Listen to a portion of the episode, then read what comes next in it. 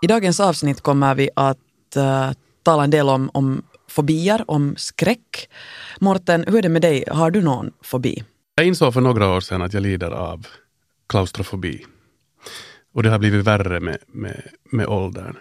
Uh, jag har mardrömmar om att jag är inne i trånga utrymmen. Och, hur är det till exempel i ett flygplan som en så sluten burk? Jo, ibland har jag fått mm. lite panikattacker beroende på var jag sitter i planet. Om jag sitter inträngd längst in någonstans på en bänkrad så kan det vara riktigt otrevligt. Mm. Hur är det med dig då? Jag lider kanske mest av höjdskräck. Jag, jag har inte möjlighet mera ens att, att ta mig till höga platser för jag blir så, blir så darrig. Håll dig fötterna på jorden. Jag håller fötterna på jorden, det är väl bäst så. Ni lyssnar alltså på Efter nio radio här i Yle Vega tillsammans med mig, Morten Svartström och med Sonja Kailasari. Välkomna med. Det här är alltså det här programmet där vi utmanar våra gäster, eller så kan det hända att de utmanar sig själva. Att igen, under en tid testa på att leva på ett annorlunda sätt, att bryta en vana eller bara ändra på någonting i sina liv för att eventuellt göra en förbättring eller komma till en insikt. Vår gäst idag har tampats med olika psykiska problem ända sedan ungdomen och det är sådana saker som i olika sammanhang har begränsat hennes liv. Hon har idag antagit en utmaning som kanske för, för en vanlig människa kan kännas som någon bagatell, men för henne är det otroligt ångestframkallande. Och det handlar nämligen om att besöka en simhall. I veckans utmaning ska hon överkomma sin simhallsfobi och i framtiden kunna gå dit med sina barn som älskar att simma. Vår gäst idag är alltså Selinda Byskatta. Och lite senare i det här programmet kommer vi också få träffa personen som, som har hjälpt Selinda på traven under den här tiden, det vill säga lite fungera som hennes coach eller mentor eller medsyster under den här tiden och det är erfarenhetsexperten Pia Alarto. Och Pia och Selinda de känner faktiskt varandra ganska bra eftersom de brukar föreläsa tillsammans om sina erfarenheter och sina rädslor. De har också ett projekt tillsammans som eh, går under hashtagget Fuck skam. Det ska vi också tala senare om lite mera, om det här med skammen. Mm. Som sagt, veckans gäst i Efter nio är alltså Celinda Byskatta som har utmanat sig själv med badstränder och simhallar. Vi börjar med att presentera henne via ett kort klipp från programmet Samtal om livet som sänds här på Radio Vega ett par år sedan. Där berättar hon lite om sin bakgrund. Många tror ju att, att psykiskt sjuka människor ska se ut på ett visst sätt eller vara på ett visst sätt. Och, och nu minns jag själv också första gången när jag blev diagnostiserad och då vägde jag ju 46 kilo och var faktiskt i jätte, jättedåligt skick. Och, och då sa de att de tycker att det skulle vara bäst om jag nu skulle tas in. Och så började jag minns att jag har skrattat där och sa att inte kan jag nu få till något eko sen. Dit med några dårar. och att, att på något vis så var det någon slags för, självförnekelse också. Att, nu, att inte där något desto mera dårar än vad jag själv heller var. Men, men jag hade ju själv den här bilden av Jack Nicholson i den här Gökboet-filmen och människor som drar i sitt hår och skriker och ser ihålig blick och går klädda i trasor. Och liksom att, att tror folk på riktigt att man ska se ut så när man har en psykisk diagnos? Att nu har jag väl rätt att makea mig och, och sätta fräscha kläder på mig fast jag är sjuk. Hjärtligt välkommen Celinda Byskatta. Tack. Jätteroligt att ha dig här och att du har tagit den här utmaningen. Du skriver en, en eh, blogg som heter Borderland där du, du synliggör just olika psykiska problem och, och tar dem upp i olika vardagliga situationer. Eh, mm. Det handlar om gränslandet eh, mellan att vara frisk och sjuk. Mm. Hur, hur, hur ser ditt liv ut just nu? Jag brukar ibland jämföra det, jag har det på min blogg också, som en bild där en å mellan två liksom landremsor. Och ibland har jag liksom flutit helt okontrollerbart där i den här floden. Nu är jag tryggt på land. Och, och fast jag är på gränsen hela tiden så är jag liksom ändå tryggare på den bättre gränsen nu än, än det där förut. Det, det är svårt att förklara men trots diagnoser och, och, andra problem så, så mår jag idag bättre än vad jag egentligen någonsin har gjort tidigare och känner mig ganska stark och, och välmående och nöjd med livet. Och... Super att höra. Mm. Super att höra. Och därmed har du antagit en utmaning för att lite Ja. testa, testa dig själv. Men det, jag tycker det, det, det är härligt. Berätta, vad, vad är grejen med simhallar? Eh, För att göra en lång historia kort så, så blev jag ju mobbad hela, hela min skoltid. Och en stor del av den mobbningen så gick ju ut på att, att, att folk kallade mig för ful och äcklig. Och alla sådana här skällsord. Och, och när man hör det dag ut och dag in i den här sårbaraste åldern så tar man ju det till sig och det blir ens verklighet. Och i skolan så försökte jag dölja mig själv sen på alla vis som det gick för att jag kände att jag dög inte som jag var. Så jag, jag började lyssna på sån musik som jag trodde att var tufft och började klä mig som jag trodde att jag skulle kanske duga. Jag började sminka mig för att dölja det här liksom mitt, mitt innersta jag. Att jag försökte dölja allt som gick att dölja för jag kände att jag duger inte som jag är. Och det här med simhall så är väl egentligen sen det där liksom ultimata sårbarheten för mig. Att där kan inte du dölja dig. Du, kan inte ha, du får inte ha smink på. Det ska du tvätta bort. Du får inte ha kläder på.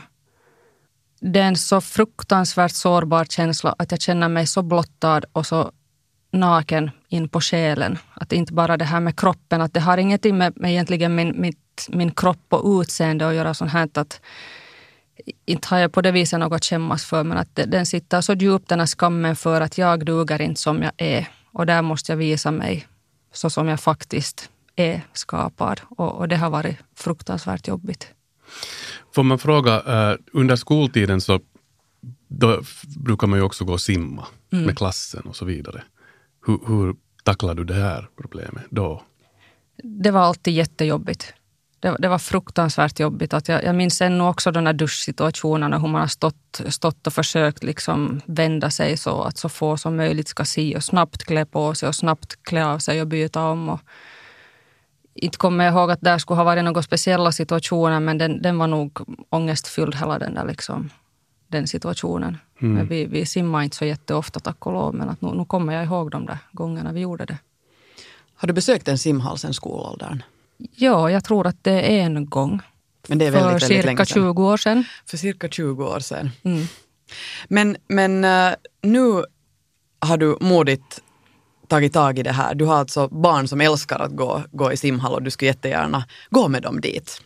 Ja, Och om en liten stund så kommer vi att få träffa erfarenhetsexperten Pia Alarto som har varit din coach i det här eh, och mentor. Och eh, hon hjälpte dig att gå vidare med det här och, och hoppeligen lyckas ta dig till en simhall. Vi ska lyssna på ett första dagboksklipp. Eh, det här handlar om att börja med att besöka en strand. nu är vi vid Padvastranden. Vad ska vi göra? Simma. Hur känns Det att vara i simdräkt? Lite obekvämt, Men, men helt okej ändå. okej. Varför skiljer sig det här från en simhall? För här behöver jag inte vara naken. Okej. Här får jag ändå ha simdräkt. Så om du ska vara en nakenstrand så skulle det vara samma sak som att vara på en Jag skulle simstrand? aldrig vara. Nej, varför det då? Jag vill inte vara naken. Mm. Har du simmat naken någon gång? När jag var liten. Det räknas inte. Varför blir en offentlig strand så där obehaglig? Där är det här samma igen, att jag känner mig så blottad. Och, och fast jag vet att det inte är sant så, så lever det kvar det här att alla ser på mig och alla dömer mig och alla kritiserar mig. Fast jag vet att ingen säkert bryr sig överhuvudtaget om att jag ens är där. Men den känslan finns alltid. Hur kändes det efter att ni hade varit på den här stranden? Nå, strand har blivit lite lättare för mig för att det, det, det har jag ju tvingat mig att göra i och med barnen. Så jag är ju på stranden med barnen och då är det lättare också för mig att lite glömma den här egna, egna ångesten. Men att sen att, att fara ensam eller med någon kompis så, så, så känns jobbigare. Men, men nu har det blivit lättare. Bara det finns en omklädningskoppi. Jag tänkte fråga Celinda, är det bara simhallar och stränder som, som gör dig nojig? Eller är det över, överhuvudtaget andra ställen också som, som du känner dig att folk skulle titta på dig eller titta konstigt på dig? Det är egentligen överallt.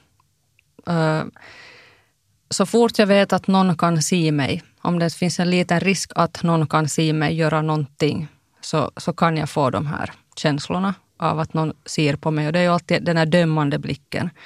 Till exempel när vi gör arbete hemma på gården så, så måste jag alltid ta, ta en paus om det kör en bil förbi för att jag tänker att nu ser den här människan att jag inte ens kan hålla i den här krattan ordentligt. Så, sådana liksom saker. Förlåt att jag fnyser, men det låter ju så märkvärdigt. Det, jo, jag, jag kan ju skratta åt det idag. Mm. Men, men den här liksom känslan är så riktig. Den, är, den liksom finns och den hindrar mig från att, från att göra saker. Och jag har ofta gardinerna neddragna för att jag tänker att de som går förbi så ser in och så ser de att vi har det råddigt och vad är jag för en mamma som inte ens håller städigt. Och, och liksom, I matbutiken så tänker jag inte fråga var någonting finns för att då tycker de att jag är dum som inte hittar den här tomatpurén själv. Mm. Det, det, är liksom, det är egentligen överallt. Mm. Och när jag kommer hit till storstan så att det är obekvämt för mig att röra mig här på stan. För att om inte jag vet vilken spårvagn jag ska ta så måste jag kanske fråga någon. Och, och, och jag känner mig liksom väldigt påtittad och att alla ser att jag är någonting. Mm. mm. Och, och oftast då någonting negativt. Fast jag ju förstås vet att det inte är sant. Men, men den här känslan sitter så jättestarkt i. Mm. Den är sann för dig den där känslan? Den, den, är sann för mig. Att jag kan liksom hantera den nu på, på ett annat sätt men, men likväl så finns den ännu där. Mm. Man vill ju bara också ryta ut här att mobbarna Alltså, mobbare förstår inte hur mycket de påverkar en människas liv. Man blir riktigt arg när man, när man mm. inser att mm. det är så här det sen blir. hur långa spår det kan sätta. Att, att det handlar inte om en tid då som man sen bara skulle glömma eller någonting utan det blir en, ett, ett mönster som styr alltid ditt liv. Mm. Det styr det mesta. Jag går ju till graven med, med alla de här ärren. Att, att fast de kan bli bättre och jag har gått i flera år i terapi och, och behandlat de här sakerna och kan leva med dem ett, ett bra liv så att säga. Men, men likväl så finns de där ärren alltid där och de styr ändå mitt liv till en viss gräns. Mm. Tyvärr. Det verkar som att det är nog jättestarka och blandade obehagliga känslor som du utsätter dig för när, när, när du tog, antog den här uh, utmaningen. Vi ska ta och lyssna på följande dagboksklipp och här ska du och Pia Alarto som då är din mentor och coach då ta och besöka en simhall för första gången. Mm. Nu var det meningen att vi skulle simma igår på mm. simhall och det blev inte av. Mm. Senast vi hade funderat att vi ska simma, simma på simhall och det bestämt ett datum så gick det en eller två dagar och sen satt du meddelande åt mig eller ringde de, jag kommer inte ihåg. Men sen hörde du av dig och att vi måste avboka, att jag har inte sovit överhuvudtaget. Det här kommer in i mina drömmar. Mm. Och det var så panikslagen. När var det här? Någon månad sen. Ja. Och vad hände nu? Var du, när kom vi överens om att vi ska simma igår? Det kom vi överens för en vecka sedan. Ja. Fick du nu mardrömmar? Nej. Okej, okay. någonting har hänt. Mm. Nu kunde vi alltså inte simma igår på grund av diverse orsaker så nu måste vi, vi måste omprogrammera. Mm. Men du berättade någonting ganska intressant åt mig igår då vi var tvungna att, att ändra tid. Ja, alltså jag blev, jag blev faktiskt besviken när jag märkte att det inte kommer att funka. Varför det då? Och för att jag hade redan sitt framför mig hur jag är i simhallen och hur jag kommer ut därifrån och går hem och säger åt mina barn att vet ni vad flickor, nu ska vi snart fara till simhallen. Ja, här hade du riktigt ställt in dig på att gå och du var liksom redan mentalt förberedd för det här. Ja, jag var riktigt taggad. Och sen, ja, vad var det som hände? Det kom sådana hinder emot som, som, som kommer ibland, som gjorde att vi inte kunde fara just den dagen. Och det hade ingenting att göra med dina, det hade, din, nej, det var, det var helt, så, Nej, det var helt, helt utomstående orsaker. Mm. Att det, det var faktiskt en besvikelse. Ja. Mm. Men kändes det på något sätt positivt att, att det blev en besvikelse? Att du, du egentligen skulle ha velat gå dit? Ja, det, det blev en sån här absurd känsla att fast hela, hela mitt jag skrek nej så ville jag ändå fara. Och så blev jag jättebesviken när jag inte sen kunde fara. Att mm. På ett konstigt sätt. Mm. Mm. Bestämde ni er sen för att uh, ni skulle sätta ett nytt datum och prova på nytt? Vi bestämde snabbt ett, ett nytt datum, ja. Okay. Och, och, sen gjorde vi allt för att, för att försöka hålla det. Men jag tycker att uh, innan vi avslöjar att klarar du det eller klarar du det inte, så, så ska vi ta in din, din mentor Pia Alarto som alltså vi har också hört i de här klipperna som ni som har samtalat. Hjärtligt välkommen med också Pia Alarto. Tack. Du har alltså som sagt fungerat som en coach och en, en mentor, en medsyster här under den här tiden eh, som eh, Celinda har då försökt komma över sina nojor. Men ni känner varandra väl från tidigare för att ni brukar föreläsa tillsammans. När ni föreläser, vad brukar ni prata om? No, nu har vi pratat om skam, eller sen pratar vi om psykisk ohälsa. Vi jobbar tillsammans också. Vi är erfarenhetsexperter, eller jag jobbar heltid men Celinda är en av våra erfarenhetsexperter på ett projekt som heter Kokenet på A-klinikstiftelsen där vi ger kamratstöd på nätet. Det är en e-tjänst som, där man kan söka hjälp för om man har psykisk ohälsa, missbruk eller spelmissbruk. Mm. Ja. Det intressanta är ju Pia, du, du, eh, du har fungerat som hennes eh, mentor, men du har ju själv också dina nojor och, och uh, rädslor. Uh, Vill du berätta lite om dem? Jo, alltså jag, jag känner ju igen det här med att man inte vågar visa sig lättklädd. Jag, jag har alltid varit stor och jag har alltid känt mig, känt mig väldigt... Jag har velat gömma mig och, och inte velat visa min kropp. Och det var, det var, det var yngre så, så kunde jag hitta på att jag inte kunde, hade mens eller någonting så jag kan inte gå och simma. Om vi är på någon, på någon um, sommarstuga med vänner och så vidare. Så jag har ju gått igenom det här, känna igen det här. Jag började ta itu med det då jag insåg, där jag skulle fylla 30, så fick jag en sån här kris, 30-årskris, där jag insåg att om jag inte gör någonting åt mitt liv så märker jag sen då jag är gammal att jag har, livet har gått förbi och jag har inte levt det. Mm. Jag har bara varit med, men jag har inte, jag har inte deltagit i. Och det fick mig sen att, att gå in på den här vägen. Och nu hade hållit på, jag är 44 nu, så en 15 år. Mm. Mm. Att det kan ta tid. Men, men hur, kommer man, hur kom du över dina, din, den här rädslan av att... Man börjar bara göra det. inte, inte någonting annat än att, att jag menar, ju mer man vågar desto mer får man. Och det kan Linda säkert också skriva under att, att, mm. det där, att börja helt enkelt bara att inte, inte, ingenting händer om jag är någonstans och simmar eller om jag till exempel går naken och simmar, vilket jag har gjort någon gång. Vilket är Celindas nästa, nästa no. utmaning. No, no, ja, men, men liksom, eller, eller går i, i en ärmlös klänning då det är hett. Tidigare så aldrig i livet jag skulle ha gått i en ärmlös klänning. För jag kändes så mycket för min kropp. Och nu har jag inte använt ärmar. Mm. Klänning med ärmar på hela sommaren säkert. Det var mm. så hett. Och du känner dig fri? Jo, nu. jag bryr mig inte. Om någon säger någonting så tittar jag på dem och säger ursäkta, du uppför dig dåligt. men vad är det för junta? Det, men, det har hänt no det... en gång faktiskt bara. Ja. Men jag, jag tror ing, alltså, folk brukar inte säga någonting om det, jag vet inte. Men för, för dig som har gått igenom hela den här grejen och, och arbetat eh, med dig själv i, i 15 år som du nämnde här just mm. så vad, vad, var jobbigast? Var det det där första steget eller sen att uppehålla det här modet att, att gå emot de här rädslorna och de här svåra känslorna? Men det har varit en så lång process att det har varit egentligen, det att jag skalar en lök. Mm. Det är liksom, alltid kommer det ett nytt skal, alltid kommer det ett nytt skal och sen måste jag igen ännu gå längre och ännu längre. Att inte kan jag säga vad har varit jobbigast, det har varit bara så sjukt lång process. Att, ja. att om jag skulle då ha vetat hur länge det här tar så ja. Men samtidigt har det varit helt otroligt fin resa. För mm. att jag har fått, fått vara med om så mycket. Och sen då, då jag fick ett namn på det här och, och gick den här erfarenhetsexpertutbildningen och, och har faktiskt kunnat använda det här för att hjälpa andra människor. Så sen blev det ju bara, bara roligt mm. egentligen. Att nu för tiden så tycker jag att om jag går igenom och kommer, det kommer någon utmaning, någonting svårt i mitt liv så är jag glad bara över att, att nu fick jag någonting, en ny erfarenhet som jag kan dela, som jag kan använda.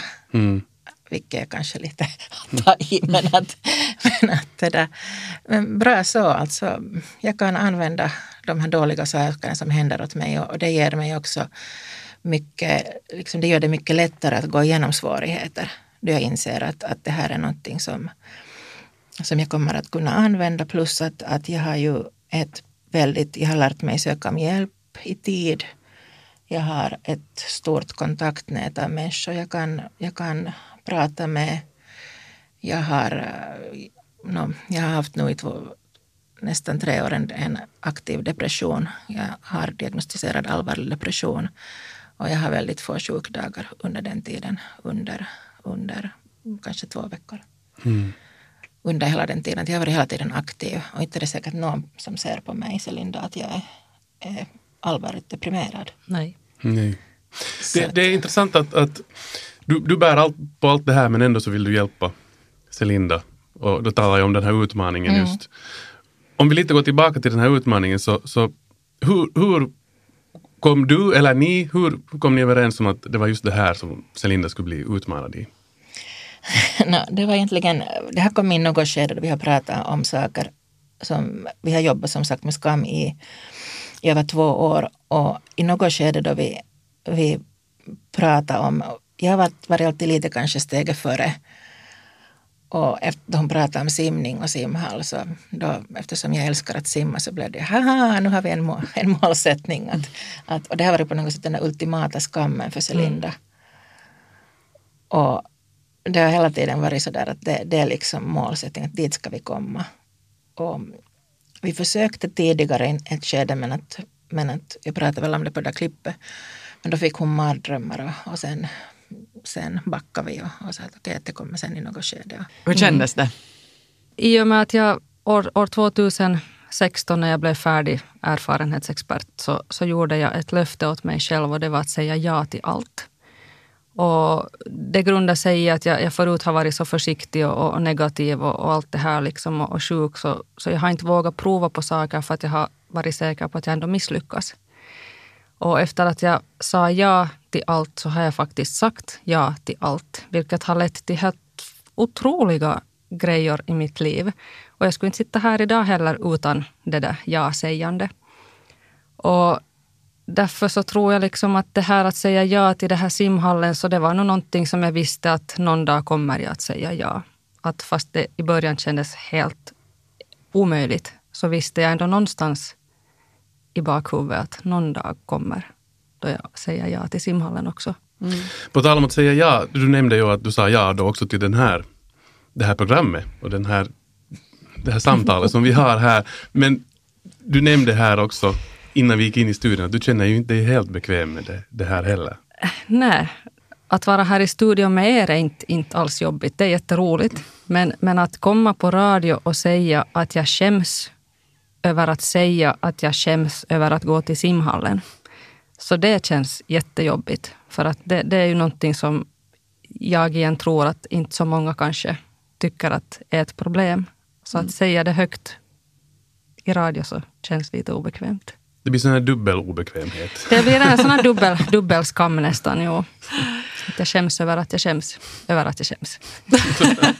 Man kan hålla på i all oändlighet. Ja, men just det. Men, men du går rakt mot det, du går in i stormen och det är det vad du har gjort. Och ska vi ta då och lyssna på, på följande klipp Mm. när det verkligen skulle bli av att besöka den där simhallen.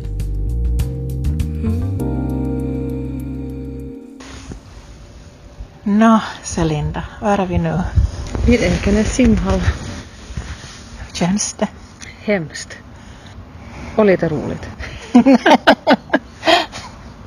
Jo, vi har knappt sagt hej, men nu är vi på väg in. Yes. Okej, då går vi. Jag måste väl. Du måste. Har vi köpt biljetter och på väg in? När har du senast varit här, eller i en simhall? Det är drygt 20 år sedan. Okej, Slutet på 90-talet. just det. Mm. Ja, Men vadå, då går vi och testar. Yes. Nå, vad har hänt? Jag har varit i simhallen. Och vad har du gjort där? Jag har simmat och badat i bubbelpool och badat bastu och till och med badat ångbastu. Okej, Jag har gjort allt nästan som man kan göra här utom att åka i rutschkanan. Ja. Och hur känns det? Omtumlande, absurt, härligt, hemskt, allt blandat. Men mest? Men mest bra. Helt sjukt bra. Och jag väntar bara på att få få hem och säga att nästa gång får vi allihopa till simhallen. Okej, grattis. Ja, grattis kan man säga. Grattis! Tack. Fantastiskt. Hur, hur, hur känns det? Ja, det, det, känns som jag sa där i, i klippet, det, det, är helt otroligt. Och det, det, är liksom, de som känner mig vet hur, hur stort och viktigt det är för mig. Och, och jag satt där i, i simhallens bastu ensam på, på bastulaven. De andra hade gått ut därifrån som var där. Och, och då var jag glad att jag satt i bastun för att det var nog en, en, en tår som, som föll ner. Då kom den här känslan att här sitter jag nu i bastun i simhallen. Att nu har jag kommit ganska långt. Mm. Nu får jag hem och säger åt barnen att nästa gång får vi alla. Ja, otrolig mm. känsla. Mm. Jag märkte att du blev lite rörd också nu när du lyssnar på det här. Vilka tankar gick i ditt huvud när du, när du återvände till den här situationen när ni diskuterade det här besöket? Ja, jag har inte hört det här klippet förut så det, det väckte ju de här känslorna som, som kom där. Och, och det, det, jag får bara en sån känsla av att, att jag har faktiskt kommit långt. Och då handlar det ju inte bara om den här simhallen som, som simhall, utan över, överlag det som Pia pratade om, en, en jättelång process. Att jag har nog gått en lång, lång och krokig och gropig väg, men jag har kommit ganska långt på vägen och det är jätte, jätteskönt. Och den här simhallen var nu ett, en etapp. Pia, äh, Pia Alarto, jag måste fråga, hur, hur, hur gör man för att få någon att, att klara av någonting sånt här?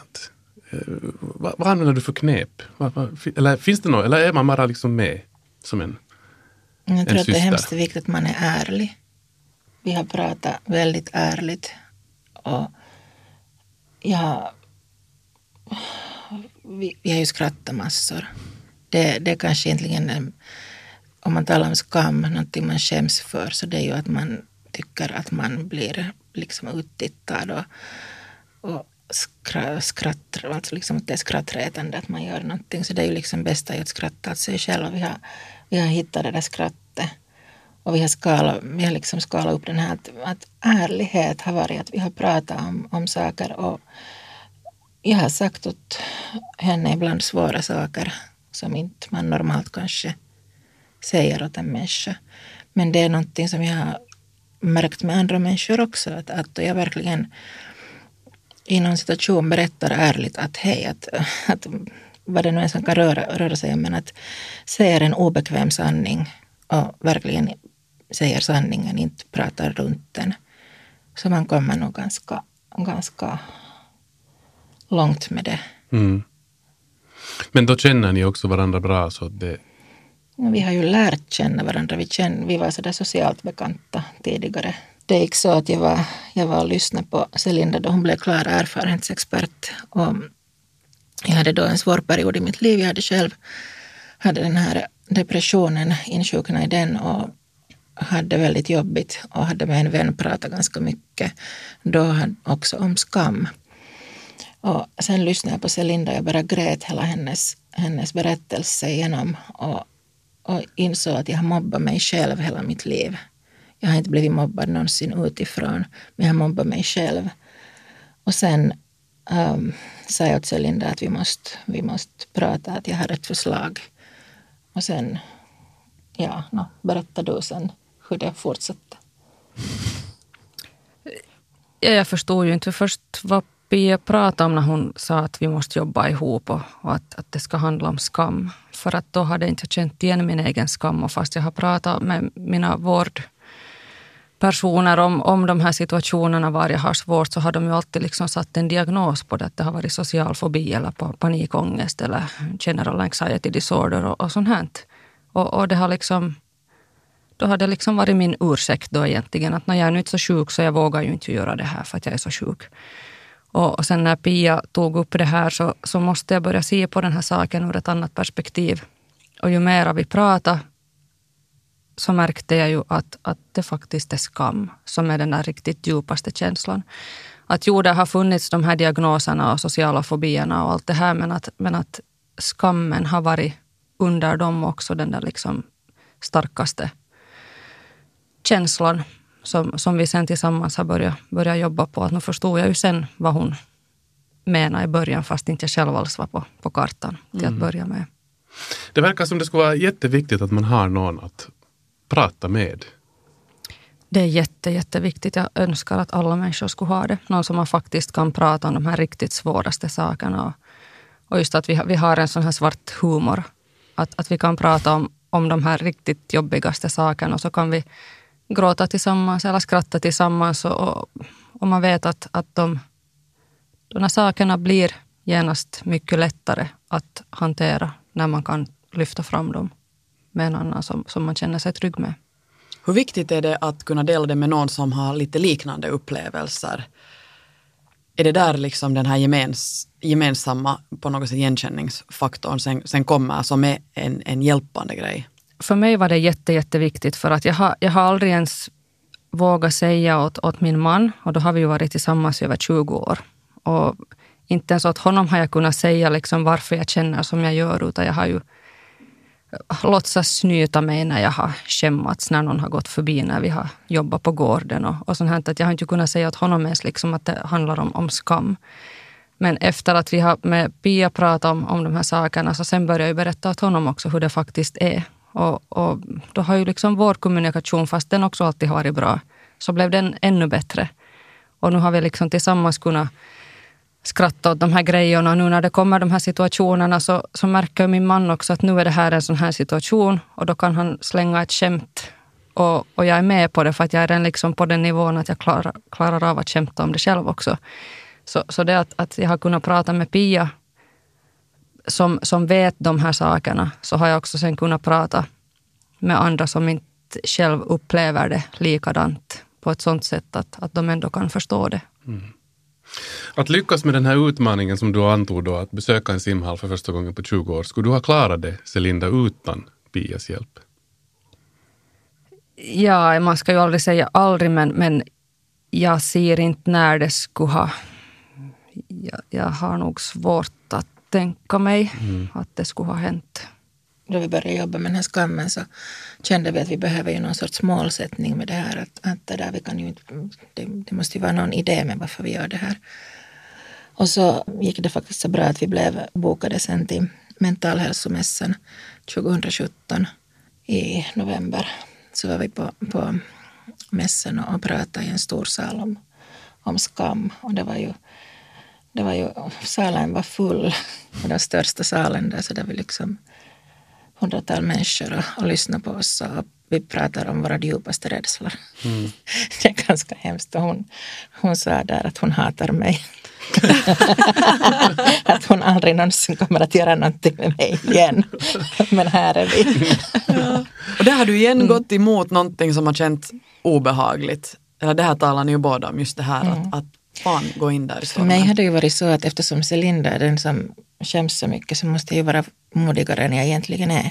Att jag har ju måste ta den här rollen. Att det har liksom drivit mig att vara sen faktiskt sätta min egen skam åt sidan och, och liksom våga för hennes skull på sätt och vis. Mm. Men nu har vi faktiskt bestämt att nu slutar den här, att vi är, nu går vi sida vid sida. Att jag, jag, det här var för mig var det här liksom det att, att nu släpper jag den här rollen att jag drar henne med mig. Såklart jag kommer att pusha henne men att, men att hon får pusha mig också. Mm. mm.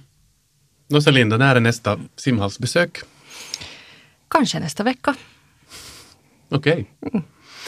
Härligt, du, jag är så glad för ja. det här. Jag tycker det är, så, det, är så, det är så underbart att det har skett en sån här process. Mm. Inte hade inte jag pushat henne för att gå till en simhall för att gå till en simhall utan det har ju varit för barnen och för familjen och för henne, henne liksom. Och sen att det faktiskt har gått så långt att hon, hon nu kan gå med sina barn till simhallen så är ju helt jätte, jätte, jättefint. Mm. Mm. Tusen tack till er. Tack, tack Celinda för att tack. du antog den här utmaningen och grattis, grattis än en gång för att det lyckades. Tack. Tack till dig också Pia för att du hjälpte Celinda och för att ni var med här.